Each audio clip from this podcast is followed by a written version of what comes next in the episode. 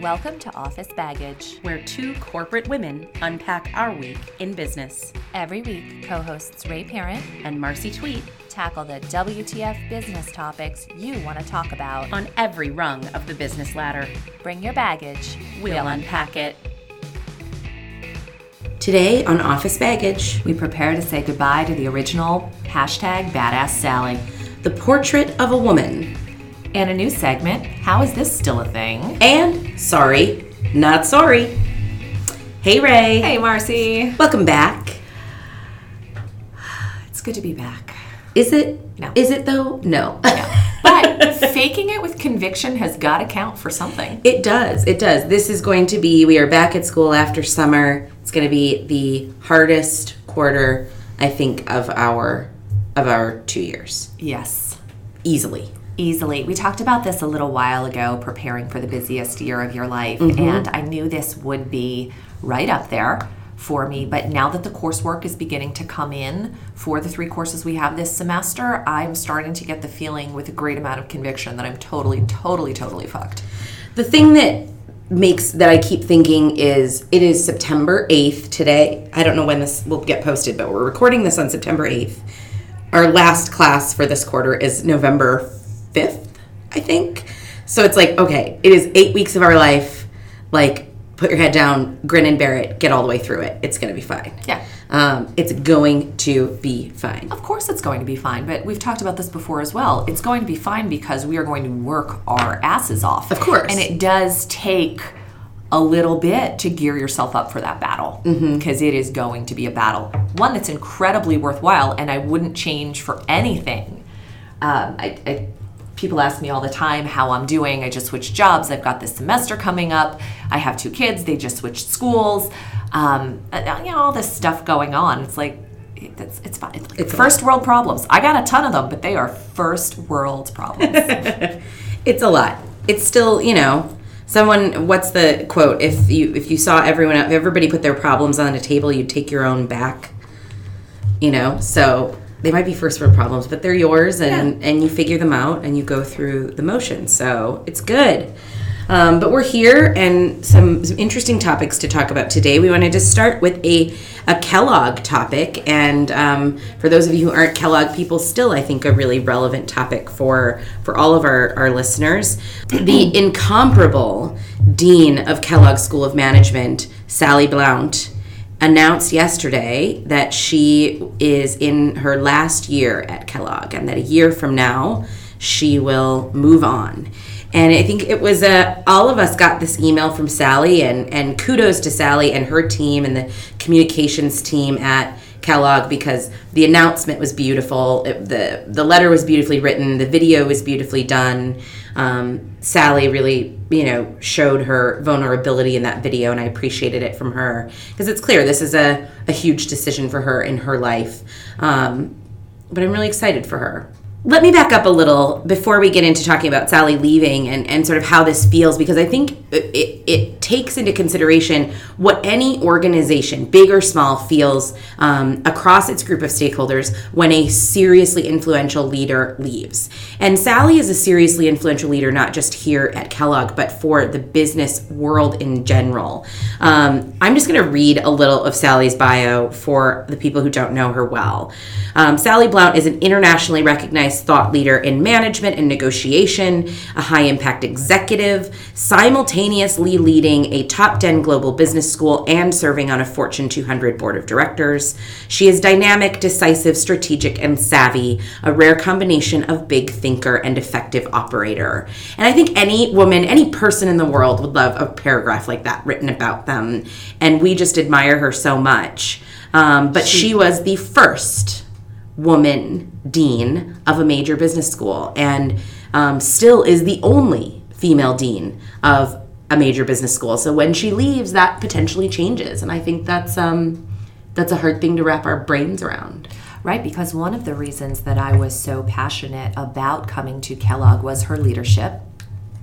I think that it's easy to, in retrospect, see the the change or the stamp or the brand that she brought to the program. I mean, when she came on board, she launched a plan called Envision Kellogg, and this was about raising $350 million and repositioning Kellogg's brand, um, redefining management and education, and opening the school's new global hub, which we've had a couple of events in. It is phenomenally beautiful space that's exceptionally conducive to how I think about education on a go forward basis. Absolutely. And not only that, but a huge part of any business school and any university is fundraising and she has mounted a 300 now goal of 350 million today now 365 million dollar campaign to transform the school and and really has been here. The thing that I find really interesting, I don't know if you've heard this, I, I don't know who's, I can't remember whose theory it is, but there's a theory of management about the seven year itch that leaders should move on after seven years. And I find it interesting that a leader like Kelly, like, uh, like Sally has been at Kellogg for seven years and is choosing to move on and is so forward thinking and saying, I was the leader for Kellogg through this transition, through this campaign, through this build, through this rebrand. And now Kellogg needs a different leader. That was really I, I am interested to hear more as and I'm sure we will as students um, of what kind of leader she thinks Kellogg needs today. That would be incredibly interesting to hear I have so much respect and admiration. Well, first I have I have sadness because while I appreciate everything mm-hmm. that she's saying, it is very bittersweet to see her go. However, the amount of admiration I have for someone who is willing to reach that point and let go of her baby, right? I obviously never done anything of this caliber. I, very few people have, but I think all of us have had a tenure at something built something, grown something. I, I know that I have, and then walked away for whatever reason, uh, either to another opportunity or what have you. Leaving your baby, leaving that work, that's very, very hard to do. Letting someone step into your shoes and to recreate those shoes is very hard to do. Or being willing to admit that you are not the right person to lead the next phase. Right. I think that's even harder because being able to be forward thinking and self aware enough to say what you need is ABC and I'm not that person. Um, huge applause to Sally for doing that. There is um, a portion of her video. It's it's one of the more introspective moments, and I it, it just it really hit me right in the feels. Uh, quote I've long dreamed of taking a sabbatical year to travel and to write, she says in the video. As my daughter once said to me long ago, this is what the person I want to become would do. I just right right in the feels it's right so right in the feels and i feel like we need to make t-shirts like what would the person i want to become do. Oh my God, we've talked about our hashtag Badass Sally's T-shirt oh for a God, long time. Should... I think we have a front design and a back oh design. Oh my now. God, that would be so great. And you know, I have a single focus on the podcast for the next 365 days, and it is to get Sally Blount on this podcast. Elmer, Colette, I know you're listening. Make it happen. Ray promises she will use we will not less swear. profanity. I we will less. not swear. We're still us. I don't think we would swear in front of Sally. No. I just don't know. No. But the t shirt idea is good. What would the person I want to become do? This is what the person I want to become would do, or what, yeah. Whatever that would look like, and then hashtag badass Sally on the back. Love it. Oh my God, we're doing it. Totally. I, am like, uh, I'm on it. I'm on it. Yeah. So funny. You're definitely the design element of this because if I take point, it's going to look like pajamas. There's a really, really incredible graphic designer in um, the other cohort that we share our weekend with. She made, so we are cohort 108. They are cohort 110. She made them stickers that say Kellogg, and where it says L O L O G, it it's or L L O, it says 110. I saw those. She they changed had, those. Yeah, yeah. Really so we cute. should get her involved. That sounds we'll, like we'll really reach out to her. Project. Stay tuned, people. But if you get a chance um, for our listeners, and part of the reason we wanted to talk about this, Sally Blount, we have had the incredible opportunity to hear Sally speak, um, to read a lot of her writing. She is prolific in her writing.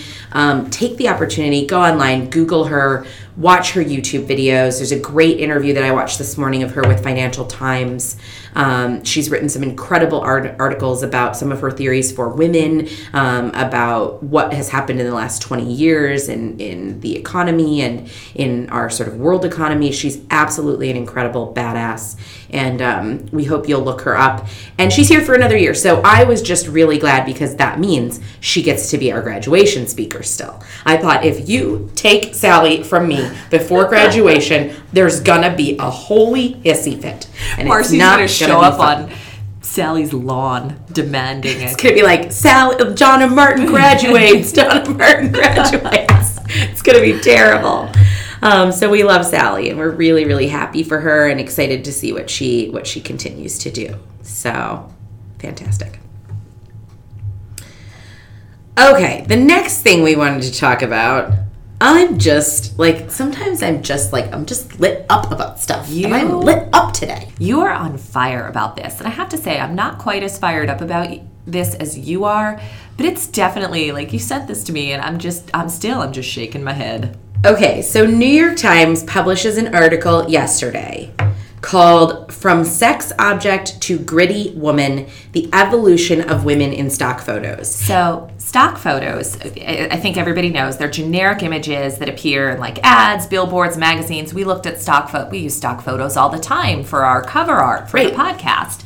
And so, what this shows is that in 2007, the top selling image when you searched for women or woman in Getty Images was this naked woman lying on a bed, gazing into the camera, and there's like a towel draped over. It's like she's on a massage table. Yeah. And for 2017, the first thing that pops up is a woman hiking in Banff. She's alone. She's on the edge of a cliff. She's in a jacket and a hat. And the message is much more about who cares what you look like? Let's focus on what you're doing. So right. good, right?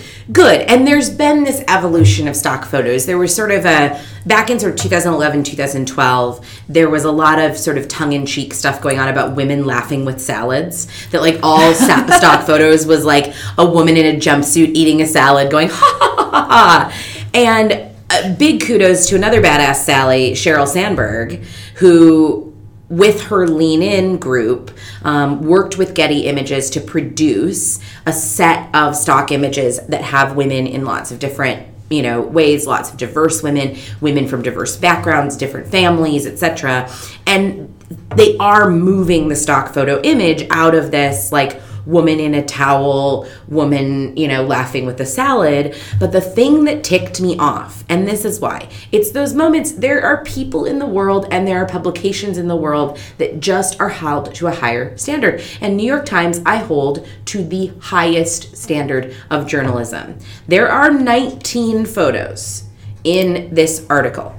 Now, I will give them this that, let's say, you know, half of them are the photos that they pulled from Getty. But throughout the article, they also used some photos from the Lean In collection, um, some additional photos of from Getty Images of women who were um, working hard and doing things that were more sweaty and dirty. But of the 19 photos in this article, there is one photo of a woman of color, and there is not a single photo of a woman over a size four.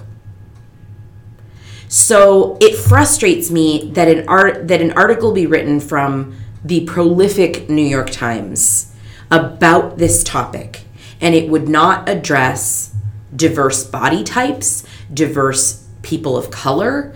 I mean, it just frustrates me because it says it's as if they're saying like isn't this great we solved the we solved the stock image problem and it's like, no, even from just looking at this article, there's still a huge stock image problem. If you look at the stock images, even the quote unquote better ones, what they say about women is that we have to be thin and beautiful and in order to be photographed and to be deserved to be photographed. And I just, I'm pissed pissed at the New York Times. So I'm, I'm reading the article now. The photos that they chose, are they the most downloaded or are they just samples?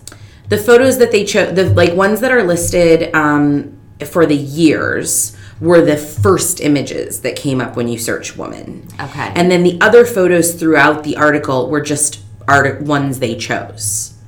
I think it's just, you know, they threw in images to make points throughout their article. So our issue is with the latter. So our article is my issue is with the latter. It's not with I mean the fact that they listed the 10 photos of the last 10 years, fine. That's what they were. Right. And they show it's the fact shows that how then, endemic the problem is, candidly, because that is based on what's utilized most frequently, which is Right. the thin, the white, the and beautiful. It's, it's the fact that they didn't even comment on any of that that I thought how could this article have gone through the writing phase and the editing phase and the publishing phase and no one at the New York Times said, "Hey, um, you know, what's who's the name of the person who wrote this article? Claire. Hey Claire, maybe think about throwing some women of color in there. Maybe even if you don't throw women of color in there, talk about how women of color are not represented. Talk about how it's still a cookie cutter magazine profile look at a woman and not the reality of who and what women are. it Just ticks me off. Clearly, clearly, I'm lit up about this. You are on fire across know. the board today, but I, you know, I don't think you're wrong. And yes, we hold the New York Times to a different standard, um, and I am sure they would expect that. But also, anybody writing an article such as this, mm-hmm. if you're going to go there, go there. Don't go halfway there. Yeah. So, you know, even if this were in Newsweek, I'd be disappointed. I mm-hmm. am more disappointed, obviously, given that it comes from the New York Times. yeah it just it frustrates me it's interesting because you know i i work in in corporate responsibility but i work within the communications area of my my company and i've worked in marketing and comms for a long time. And choosing photos from a corporate standpoint is really tough. Like it is really tough. And um, you know we have these moments i just had one of these recently where we were doing an advertisement that talked about our my company's investment in STEM education, and we wanted real. We try whenever possible to use photos of the kids in the programs that we sponsor. I don't like stock photos in in those kinds of community investment type advertising because I want a photo of one of our engineers out working with a kid at you know a school in Pittsburgh, right? That's what I want, and Right, um, it's, it's hard to use that photograph of the child. it's hard. And we we off, we ask a lot during our stuff and a lot of those nonprofits have have waivers for their kids and all that kind of stuff. But it is you feel you sit there and you go well this is you know you have to you have to think through the kind of diversity that you're putting in the photographs you're putting out there. You have to think through gender diversity but you know people of color etc and there are times that you would choose a stock photo versus a photo that you have for whatever reason that might be. But corporations have to think this through when they do advertising. New york times needs to think it through too. If I have to think about it, they should be thinking about it. All right, so speaking of diverse women who are very photographable, you're fired up about something else I know. today, This, too. the title of this article should be Marcy's pissed, or this uh, podcast should be Marcy's Marcy's pissed off today. Marcy's in a mood. Sally Blount quit, and I'm mad. No, I'm kidding. it's okay, Sally. Don't worry. We love you. Angry Marcy. Angry Marcy. Ray's a little afraid. I kind of am a little pissed today. I am just across the table agreeing with you because you are Marcy is holding a pencil like one would hold a knife if they were about to stab a bitch and I'm right across the table like I am in line for this purple pencil and Listen, look I- at I don't think she could get it through my sternum but I've got some soft fleshy parts that I think she could do some real damage Oh to my god! Listen, I have had. I'm not gonna lie. I have had. You know this. I have had a shit week. It has been an awful week. Um, I am. I'm. I'm glad it is Kellogg time. I like my week has been so bad. I like finance is gonna be a respite for me. that is how bad my week has been. um, and we've talked, and we won't go into too much detail. We've we've talked on the podcast about being busy and about being stressed, and I think that we all know how to handle that. One thing that I have is just a baseline expectation is to be treated fairly because I treat others fairly. Right. Um, I, I share what I know. I'm exceptionally candid. I let people know when I'm sharing something with them and they are in my confidence because, especially if their life is impacted. And that was really violated with you this week, I think. Um, and I am just, I'm glad to be here with you this weekend. And I know that there are at least 66 people um, here, obviously, there's a lesser portion of that that know that you've had a tough week, and every single one of them wants to give you a hug and buy you a drink. Now, I know you have a three drink. I know I've been doing three drink maximum, so it's just have to be little tiny drinks. and I just think maybe, maybe not. We'll see. We'll see. No, and and to be fair, um, you know, there are things that Ray and I share a lot about our life on this podcast, and then there are things that that we don't share. And I just had had some tough stuff happen this week um, personally, and I'm okay. All's well. All first world problems, but you know, it never makes it any easier. Right. But in the but still, I'm just I'm lit up about some stuff. I'm just mad at people this week. So Good. So you are mad. when Ray gets to do the the outline, we talk about like esoteric, like really lovely, you know, like let's talk about these deep issues at Google. When I get to do the outline, I'm like, here are five things I'm pissed about, and that's what we're to talk about today. so you are pissed at Venus williams I'm pissed right at now. Venus Williams. Now listen. I love Venus Williams, and Venus Williams could like kick my ass with a pinky finger. So I'm I'm mildly angry with you, Venus. That's all. Just a little mad. No, I love these. Um, I read. Actually, this is a good shout out. Um, again, not sponsored. If you want to sign up for an incredible newsletter, morning newsletter, um, I read every single day. The Skimm is really big. People love the Skimm. Love the Skimm. Fortune does a newsletter called the Broadsheet and it's a little tongue in cheek because the broadsheet is their women's women's newsletter. So, but I kind of like it. Um, and the, it's Kristen Bellstrom, who's an incredible um, Fortune uh, writer, and I was introduced to the Broadsheet when I went to the Fortune Most Powerful Women's Next Gen conference a couple of years ago. Um, the title is "The Dish on the World's Most Powerful Women," and I get this in my inbox. I read it every single day. Um, it's a really, really great thing to stay on top of, of women's issue stuff. So, but Fortune does these things with executives, with athletes, with people from all over the world, and it's like, what's your best business advice? So, Venus Williams' best business advice is I love to say yes, and I'm very accommodating. Williams says, noting that it is often to people's detriment. So she recommends say no with a smile. I, just want to jump off a roof. Like one of the strongest women, literal strongest women on the planet, says, say no, but do it with a smile. So I had the same, not quite as anaphylactic reaction as you, but a, a couple of things that I just want to offer for consideration.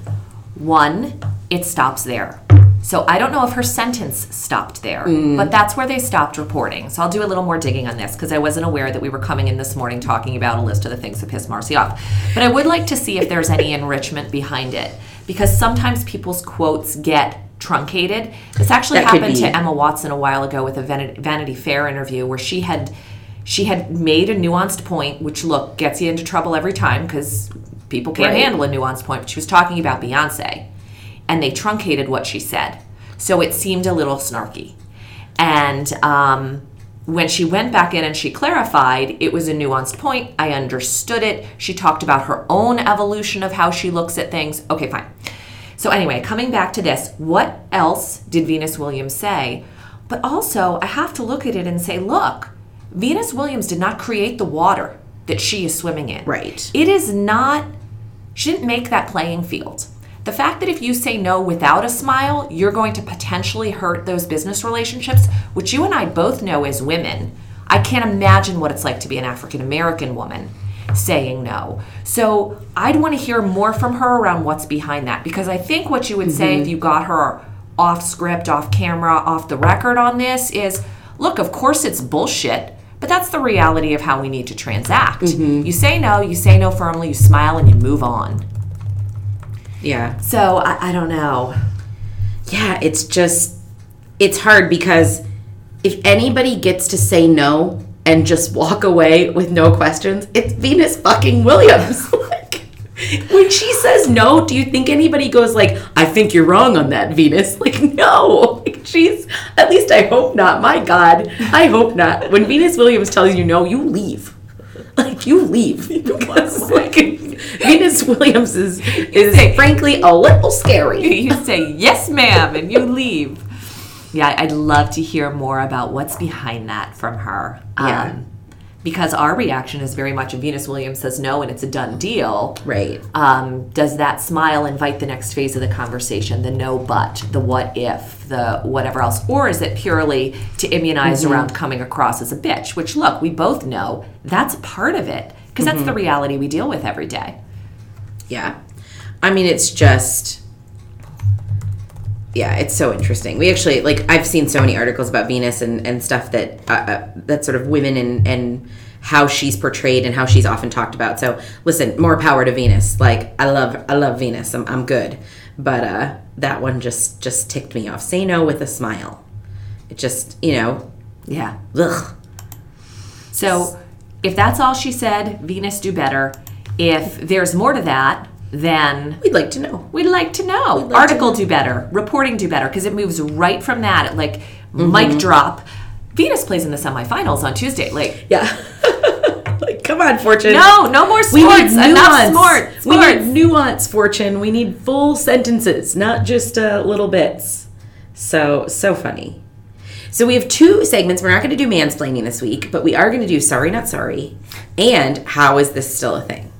awesome. You want to do sorry not sorry first? I'll do sorry, not Okay. sorry first. Um, because I think it, it might segue a little bit into how is this still a thing? I don't know, or maybe I'm just going to ramble. So, I was at Marshall's the other day because I needed some gla- cheap glass canisters because I kind of overscoped the candy situation in my office, and now I have like six glass canisters full of different. It looks like a candy buffet.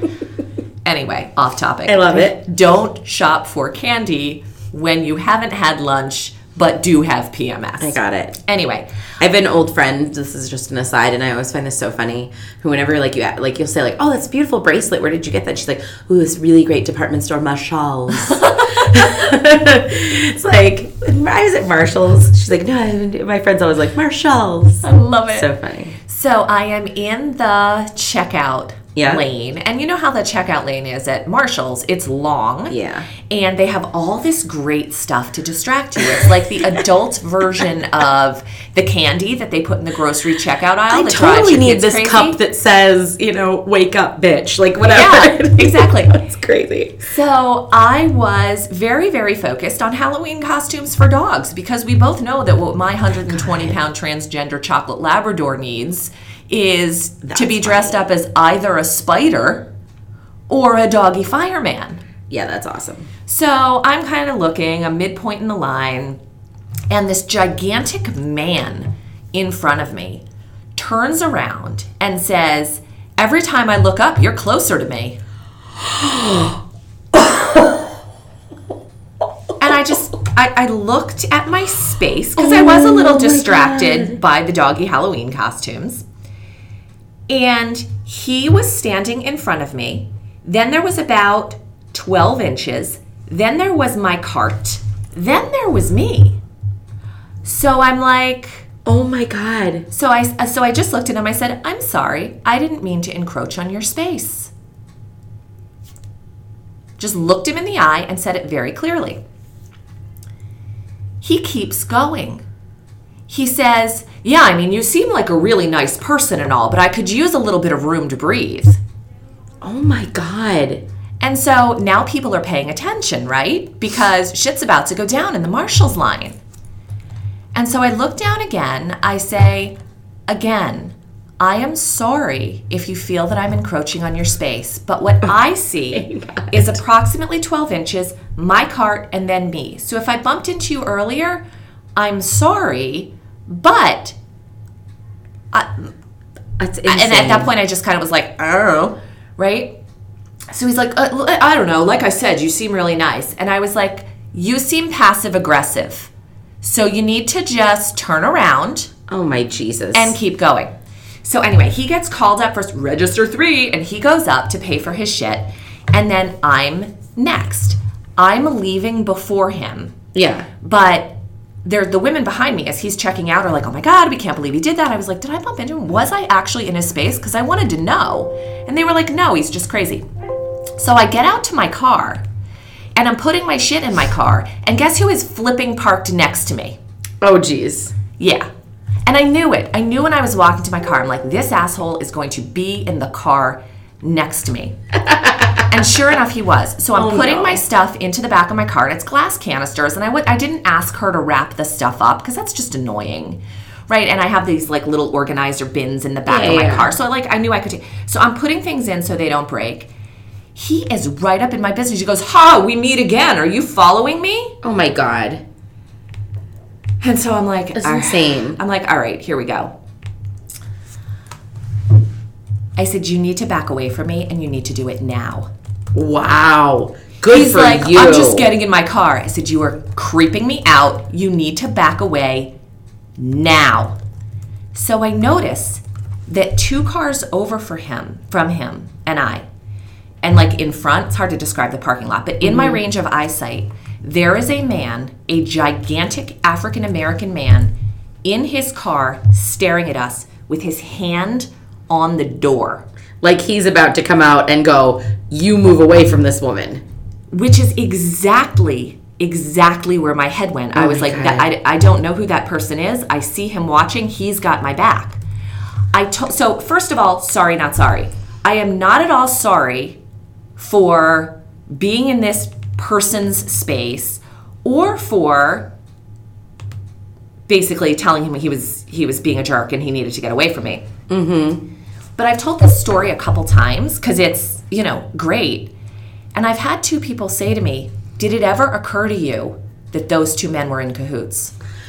Ugh. And it never, ever occurred to me. That didn't occur to me either. Like my first response was like, "Oh, that guy was gonna come out and help you." Yes, Right. And that was what was on his face. Yeah. That was on his face. He was watching his hand. His hand was on the door. And then when I got in my car and I locked it and I looked at him, his hand was off the door.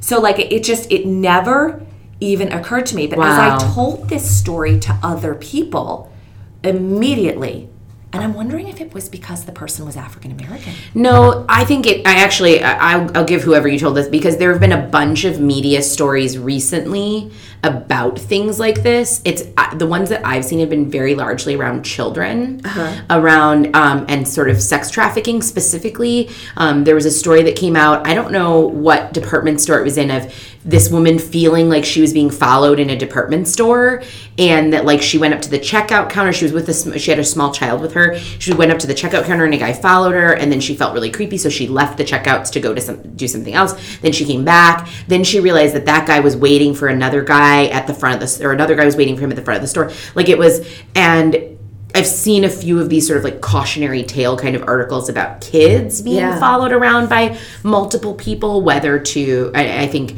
the implication that I read was about sort of sex trafficking and some of that kind of stuff. But I've also seen them about women that like, you know, one man in a Home Depot might befriend you and and offer to help you take things out to your car and then another man is there to like push you in kind of thing. Like I've heard those things. So I I would guess that that response is based on some of that media stuff that people have heard. Because you know me, I'm hypersensitive when any ever anybody says anything and there's a person of color involved. Like, why are you saying that?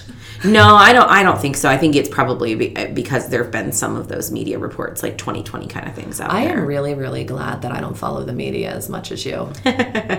It's. I mean, it's sad when you think about what's going on. I mean, um, in so I grew up in North Dakota, in Fargo. Like, gosh, three weeks ago, a young woman. Uh, I think she was 20, 19 or 20 years old. Um, her upstairs neighbor in their apartment building uh, killed her and stole her baby. Jesus. eight and a half months pregnant. It's an awful, like horrendous. Oh, like stole. yeah, like they, I, they do not, they don't know at this point what you know. Did she give birth? I haven't heard that. They, obviously, they're not releasing these details, but she went missing. And then three, three or four days later, I think it was four or five days later. I'm getting the my my dear friend who's a reporter in Fargo has been posting all this stuff, so I've been reading it and I'm getting all the details wrong. So I apologize, Danielle, um, who listens to this podcast religiously. But the girl went missing. Four or five days later, they found the baby with this couple. Um, upstairs in her apartment building and then just a couple days after that they found her body. And there have not been details but one could assume what the really gory and awful details are about this. And it's just those things that you you hear about and you know they're the subject of a lifetime movie right? But you don't actually think that they happen in real life and and they do you know? Um, women getting kidnapped from you know the parking lot at marshalls does happen. So i see how people um, people would think that for you well, I'm glad he wa- that the the man in the car did not need to help you, and that he, you know, you got out of there. Okay, my God, Yeah, I was. It was. It, that's crazy. So my how is this still a thing? I just it's so funny because you and I both work in big corporations and even in the most uh, sort of staid old guard corporation there is a lot of movement on sexual harassment. There's a lot of movement on diversity. There's a lot of movement on things you can no longer say in the workplace. And I had the opportunity a couple of weeks ago to be in a workplace that was not a corporation, um, that was a smaller business um, in a in a smaller town, and there happened to be a bunch of women in a room, and one of their male leaders walked in the room, and I kid you not, said, "I think this is the quietest I've ever seen a group of women." And I thought, how is this still a thing? Like, what a bonehead! but but it's so funny because I just want to give a shout out to like men in corporate America because men in corporate America know damn well they're not allowed to say shit like that. And it it never occurs to me because men in corporate America are are sometimes total assholes and sometimes do totally bonehead things, but at least they're smart enough not to say shit like that. And then you go to a smaller business in a smaller city and I'm like, okay, it could be worse. like it could be worse. I've never seen a group of women this quiet.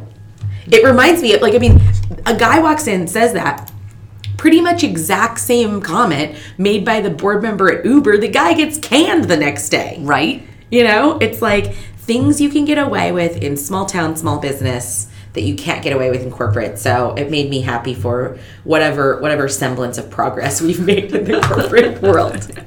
So, Marcy, I think it's important for us to take a checkpoint. Um, you came into this recording session on Fuego. On Fuego. How are you feeling now that you've had a chance to unpack some of your ire? You know, I like venting. Venting's good. I think this is a good one in general. I'm feeling I'm feeling like a little a little better here. So happy, Good. happy, happy, happy Friday. I think it's really good. I haven't been stabbed with a pencil, so that's a win. I think we're all in a good shape.